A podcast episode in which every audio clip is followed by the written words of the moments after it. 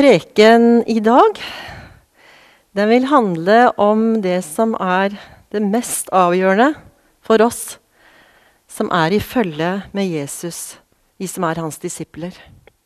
Det grunnleggende, kan vi se. Det å ha et hjerte, et sinn, som er retta på Jesus. Fordi jeg ikke kan greie meg uten han. Med setningene 'Peter, elsker du meg?' 'Har du meg kjær?' skal vi se videre på det, for det dreier seg om det personlige forholdet til Herren Jesus. Det handler om Peter, som vi har hørt. Eh, men det handler også om oss og meg og deg som følger Jesus. Om det å være en disippel av Jesus. Den samtalen som vi snart skal lytte til, som jeg skal lese fra Guds ord, den er eh, sentral eh, for å gi oss det glimtet kanskje vi trenger i dag, av noe veldig avgjørende. Men for meg så har det vært veldig rikt å dykke litt baketter, litt bakom, den samtalen som, vi, som Jesus har med Peter her. Som han har rett etter at han har oppstått. Eh, og jeg ber og har bedt om at Guds ånd skal kunne komme til oss. Eh, sånn som eh, Peter fikk oppleve, at Jesus viste han et fornya kall til å følge Jesus. Og hva det i bunn og grunn dreier seg om. Et kall til å følge Jesus til vi som trenger en fornyelse som vi trenger hver dag. Og et kall til å følge Jesus for deg som av ulike grunner har tatt det steget enda. Det skal vi også be om. Først så skal vi be sammen. Takk, Herre Jesus, for at du elsker meg og hver og en av oss med en evig kjærlighet. At du aldri svikter. At din trofasthet går ut over alt jeg kan tenke meg. Og du tar imot alle som trenger det. Og det er ikke én som heller ikke trenger det.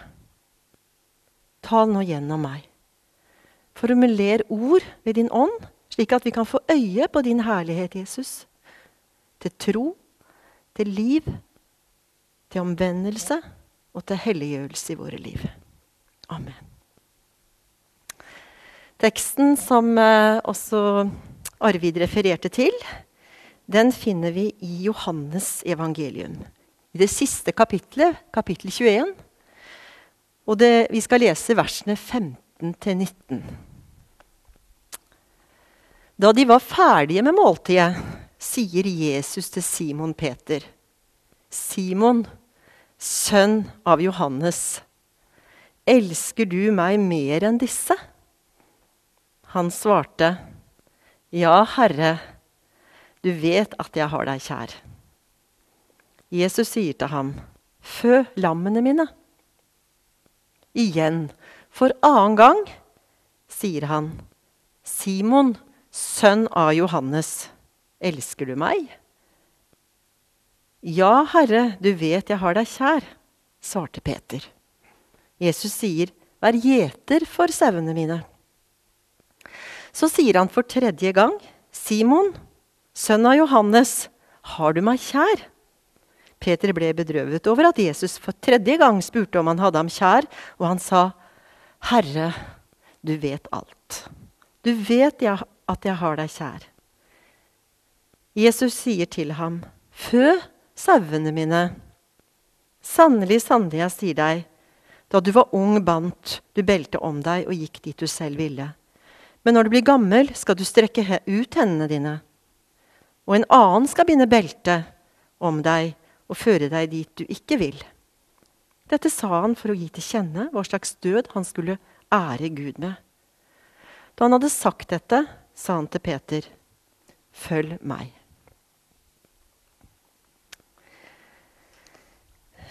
Ja, denne prekenteksten den handler veldig mye om Peter. Det er ikke tvil. Og vi må, og jeg har i hvert fall stoppa en del da, med hvem Peter er, og hvordan forholdet til Jesus starta. I, I, det første kapitlet i Johannes evangeliet så kan vi lese hvordan Jesus kalte de første disiplene. Og han sa, 'Følg meg'. Og i vers 42 så kan vi lese om at Jesus så på Simon, sønn til Johannes, og ga ham også et helt nytt navn. Han ga ham navnet Peter. Det er tre år da, tre og et halvt år cirka, før samtalen her i dagens prekentekst. Det nye navnet som han fikk, som sagt, det var Peter, som da betyr klippe. Han blir allerede også her eh, kalt å være leder for menigheten. Eh, og som vi skal dykke mer i, så blir det altså Peters avhengighet til Kristus, som er klippen, som er poenget, og ikke Peter som person. Det er akkurat det denne teksten her leder oss inn i. Den avhengigheten til klippen. Akkurat sånn som det er for alle oss andre. Men igjen, la oss ta noen skritt bakom samtalen hvor det er flere episoder og sitater som sammen gir et større bilde av det Jesus snakker om i disse korte setningene ved strandkanten etter at det hadde vært en underlig fiskefangst nok en gang. Jesus, og de hadde hatt et måltid med Herren. Han var da oppstått. Og nå hadde han bedt dem kaste ut garnet forut for dette her. På høyre side, da de ikke hadde fått noe fisk. Og de hadde fått fisk som et, fisk i, som et stort under. Og denne, dette underet på litt annen måte, men som en fiskefangstunder, hadde skjedd tidligere også. Men samtalen da, som Peter har med Jesus, eh, det er på en måte en fornyelse av det kallet som han fikk sammen med disse andre. Og som de, da de hadde med seg også i denne fiskefangsten. Og dette kan vi altså lese om i Matteus 16, 18. Da fikk eh, også Peter kallet til å være klippe og lede menigheten. Eh, det er alt det vi kan lese om Peter eh, før, som gjør at vi kan forstå innholdet i denne korte samtalen.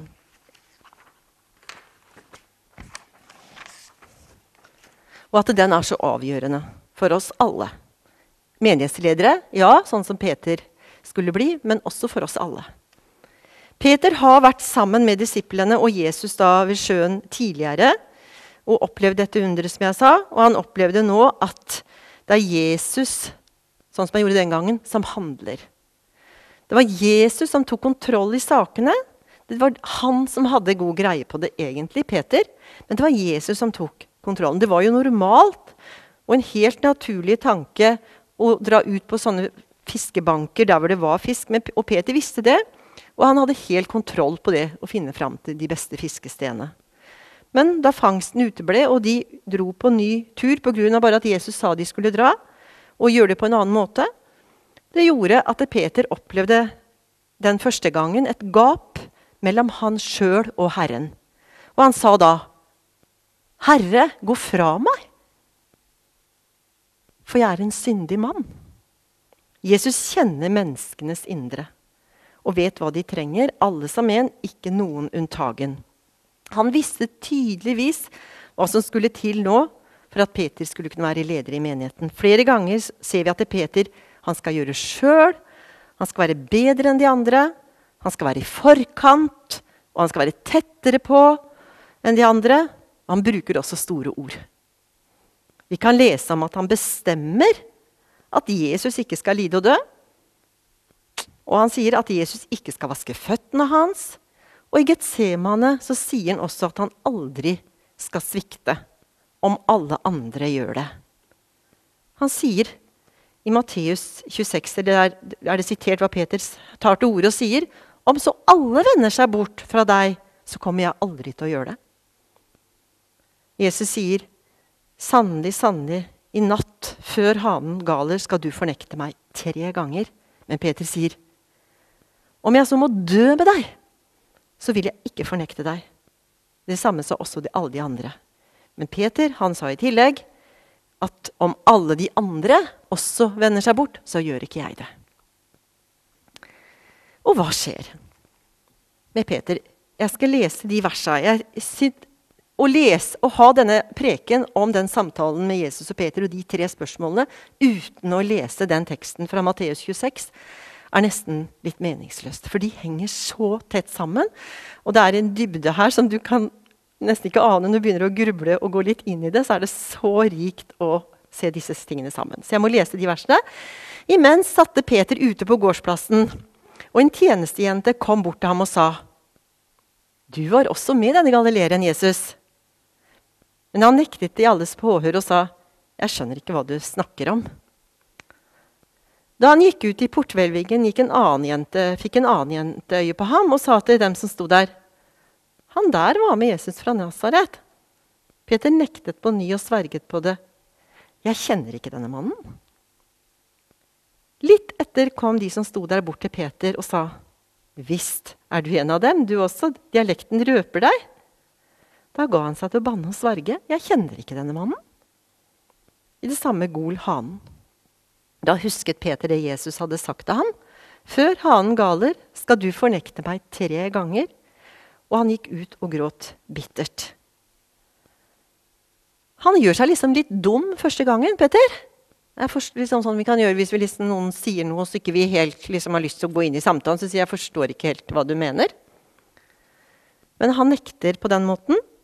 Men videre så er han veldig tydelig på fornektelsen. Han sier da at han ikke kjenner Jesus. To ganger sier de, og han banner også på det tredje gangen. Det er nok en synd som kan ses helt på linje med det Judas gjorde når han forrådte Jesus. Kanskje enda mer alvorlig. Han gjør en synd som Jesus betegner som kanskje den mest alvorlige, fordi han ekskluderer seg selv fra det evige livet. For Jesus sier at det evige liv er at dere kjenner meg. Peter uttrykker da to ganger at han ikke kjenner Jesus. Her er situasjonen for Peter før denne samtalen, egentlig.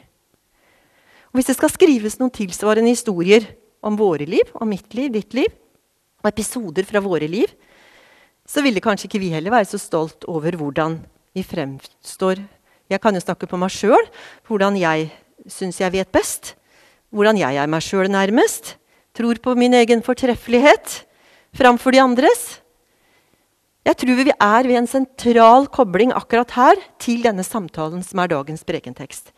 Jesus kjenner meg, slik som Peter svarte etter spørsmål nummer tre. Da sa han, 'Du vet alt'. Han vet alt om meg, mine store ord, mine behov, og driver etter å ivareta kanskje egne ideer og interesser først og fremst. Vurderer andre etter min egen målestokk. Unnlatelser og unnskyldninger når det er mulighet til å vitne om Jesus. Eller løfte Jesus fram som frelser og venn, og droppe kanskje glatt å ta fram noe som jeg tror og holder for sant, som er Guds ord. Og du har kanskje andre ting i din historie. Eller kanskje har du en sterk overbevisning om at det skulle i hvert fall ikke jeg ha gjort. Fornekta tre ganger, sånn som Peter gjorde. Det ville jeg aldri ha kommet på. Eh, på 80-tallet skrev Bjørn Eidsvåg en sang om dette. Om Jesus, om Peter og seg sjøl. Eller om deg og meg, kanskje. Den går på nynorsk eller på dialekt, men jeg skal prøve.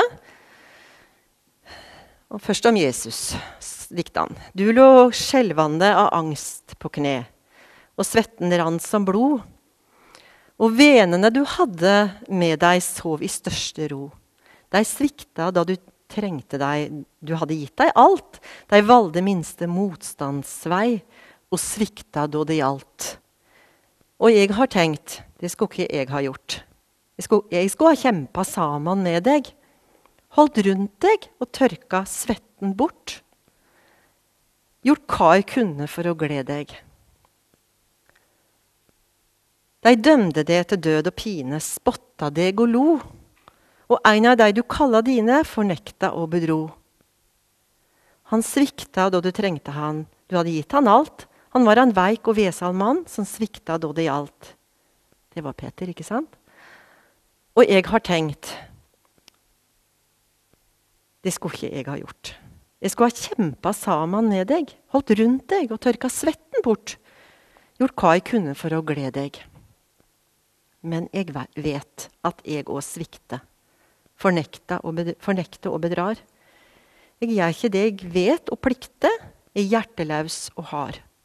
Likasel for andres nød. Ofte blind for venners sorg. Hva bryr det meg, meg de andres død? Min kulde er så fast en borg. Likevel er du like glad i meg. Tilgi meg alle feila mine. Stille tar du kappa di av deg og tar til og vasker beina mine.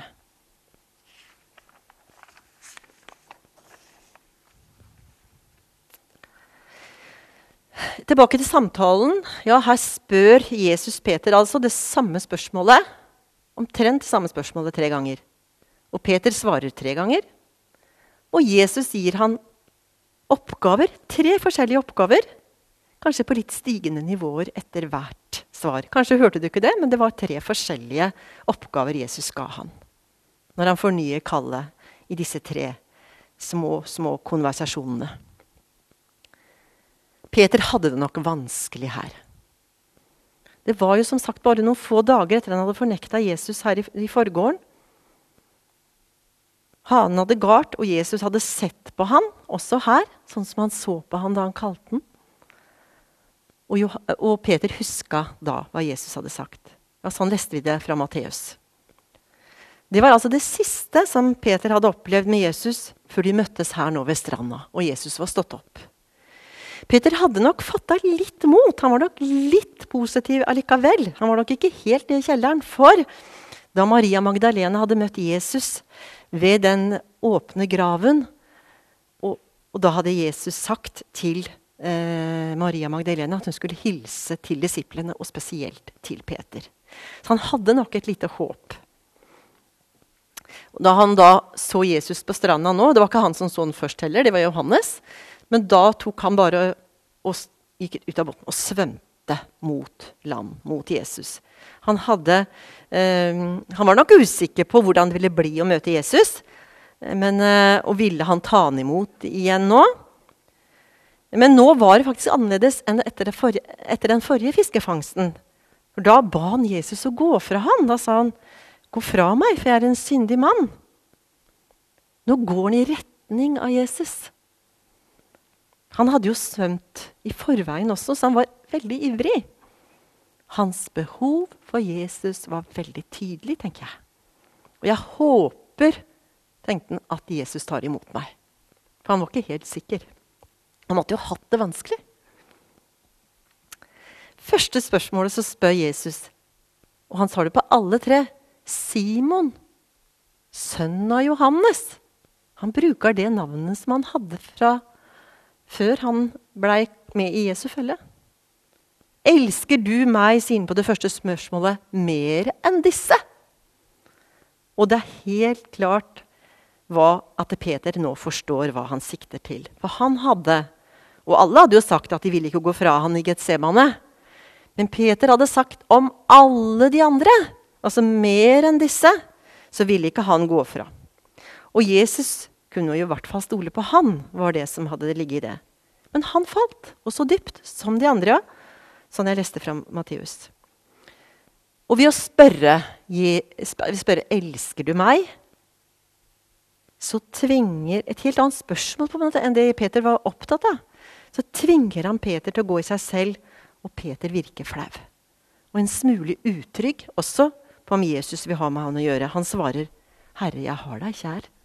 Noe som er et svakere uttrykk enn det å elske. Han vil jo fortsatt være med Jesus. Det er ikke noe mer enn det han vil, og han trenger det. Men vil Jesus nå ha meg med som sin disippel videre? Og til å lede hans menighet?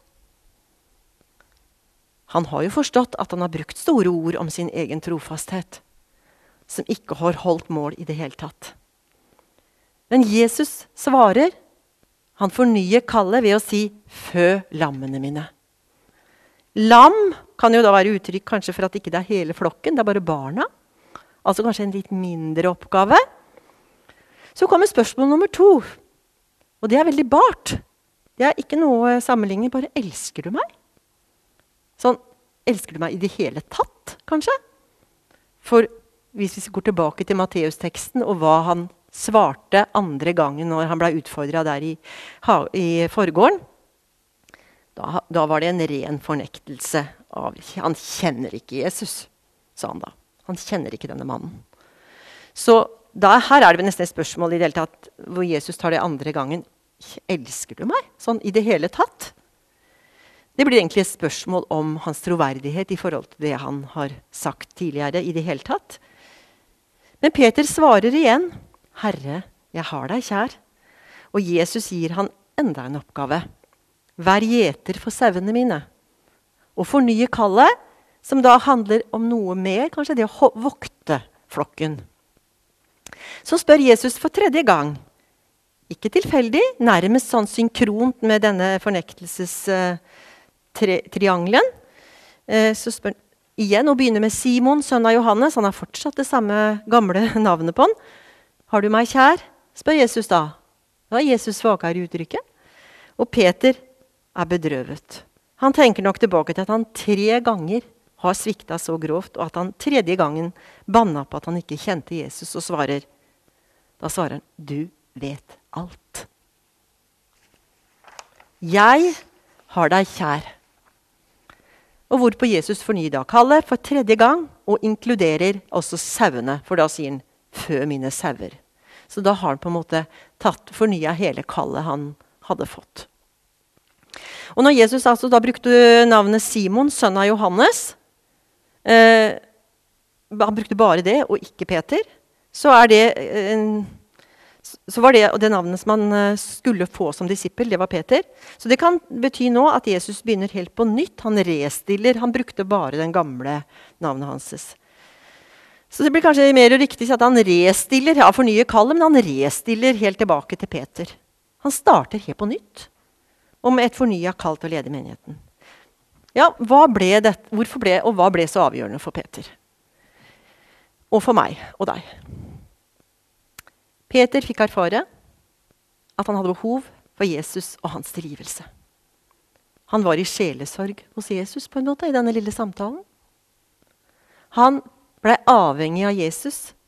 Han kjente han blei helt avhengig av Jesus. Det som Jesus hadde gjort for han da han døde og oppsto, det blir betydningsfullt for han. Det fikk betydning for han. Jesus kobla hans synd og svik sammen med det han hadde gjort i Getsemane. Da han gikk fra Gesemane til Oljeberget og døde på korset. Det var nok dette Jesus også mente da han hadde det første nattverdsmåltidet på skjærtorsdagen sa til Peter at hvis ikke jeg får vaske føttene dine, så har vi ikke noe sammen. Peter. Det gjaldt ikke bare alle de andre, Sakkeus eller synderinnen eller alle de tollerne. og alt det. Nå gjaldt det gjelder også deg, Peter. Vi har ikke noe sammen hvis ikke dette, denne koblinga her skjer. En annen, en annen erfaring som, Jesus, som, Peter fikk, det er at han får en stor glede over dette. At Jesus har lidd og dødd for ham en gang for alle. Dette hadde han ikke, det hadde, han ikke sett før oppstandelsen. Og det er et håp og en bønn at vi skal få se dette nå når Jesus er oppstått. At han har gitt Den hellige ånd iblant oss. Eh, og hvorfor vi kan si at Peter får en stor glede over det, det kan vi lese i første Peters brev. For Peter skrev jo to brev. Og da, I uh, sitt første brev, i vers 3-5, så skriver han Lovet være Gud, vår Herre Jesu Kristi Far han som i sin rike miskunn har født oss på ny til et levende håp ved Jesu Kristi oppstandelse fra de døde. Til en arv som aldri forgår, aldri skitnes til og aldri visner. Den er gjemt i himmelen for dere. Dere som i Guds kraft blir bevart ved tro, så dere når fram til frelsen. Den ligger alt ferdig til å bli åpenbart ved tidenes ende. Han bryter ut i lovsang fordi Jesus har gjort at det er ferdig, og det er en arv som er gjemt i himmelen. Og så endelig så får han en klar overbevisning av at det kallet han har fått om å lede et byggverk, kalt menigheten, det skjer i avhengighet til Jesus. Jesus er den levende steinen, klippen. Og vi og han, vi skal bli de levende steinene. Og han skal lede den menigheten. Men Jesus er klippen, ikke han. Akkurat det samme er avgjørende for meg og deg. Være helt avhengig av Jesus. Få tilgivelse for synd Og i trosbekjennelsen vår, som jeg måtte ta fram nå på slutten, så leser vi Jeg tror på Den hellige ånd. En hellig, allmenn kirke, syndenes forlatelse og legemets oppstandelse. Det er så bra sagt. Det er skrevet av Luther. Vi har Den hellige ånd, som virker i oss som disipler, så at vi ser at vi har behov for syndenes forlatelse. Han kan vise oss det, Den hellige ånd. Det som er ditt, og det som er mitt. Og han kan vise at oppstandelsen, det som vi har i vente, den arven som også Peter lovpriser her. At vi også skal få, at Ånden virker på oss vi ser glede i det vi har der framme. Og så har Den hellige ånd en, gir oss utrustning til å følge det kallet om å dele evangeliet, være menneskefisker som vi er som disipler. Aller siste verset eh, i prekenteksten, eller de to siste, de forteller at, om Jesus hvordan, forteller Jesus hvordan eh, død Peter skulle få. Han skulle bli korsfestet. Og Det skjedde i Roma i år 62, 63, 64, 64. Og det sies at han ønsket å ha hodet sitt opp ned på det korset i respekt for Jesus. Sånn ble det på Peters til slutt. Og Jesus avslutter så helt til slutt i den teksten vi leste, hvor han sier da etter hele denne sjelesorgssamtalen, som jeg kan, kan tenke å kalle det, så sier han til Peter igjen, 'Følg meg'. Sånn han til disiplene og til Peter og til oss. Dette er utgangspunktet tenker jeg, for disippelskap. Det er veldig mye å lære om vårt disippelskap i verden her. Eh, vi kan lære om mange ting. Forskjellige sider. Kan være mange interessante temaer om det med disippelskap. Men det vi lærer her om denne samtalen med Jesus, det viser hvor avgjørende i vårt disippelskap det med at Jesus er klippen, sånn som han blei det for Peter, og sånn som vi også trenger å ha. Og Som disipler som sagt, har vi kalt å spre evangeliet, vært på vårt sted. Og jeg vil avslutningsvis lese et vers fra en salme et vers fra din rikssak 'Jesus være skal'. Jeg tror hvis Peter hadde vært her nå, sitter jeg her foran, så ville han ha spurt om han kunne få lov å avslutte eh, talen nå med å, å, lese dette takkeverset. Men jeg legger min stemme i det, og kanskje tror jeg han også ville hatt gjort det. Din rikssak Jesus være skal, min største herlighet. Takk at jeg også fikk ditt kall og skal få være med. Uverdig er jeg, Herre kjær, å stå som lem i rikets hær. Men du som ga meg vennenavn og tok meg ømt inn i din favn, vil gi meg makt og gå hvor du har sagt. Kjære Herre Jesus. Takk og takk for at du lever i dag, for Din Hellige Ånd i våre liv. Ta, tal til oss nå i ditt ord, og virk på våre hjerter. Og forny vårt kall til tjeneste og et hellig liv. Amen.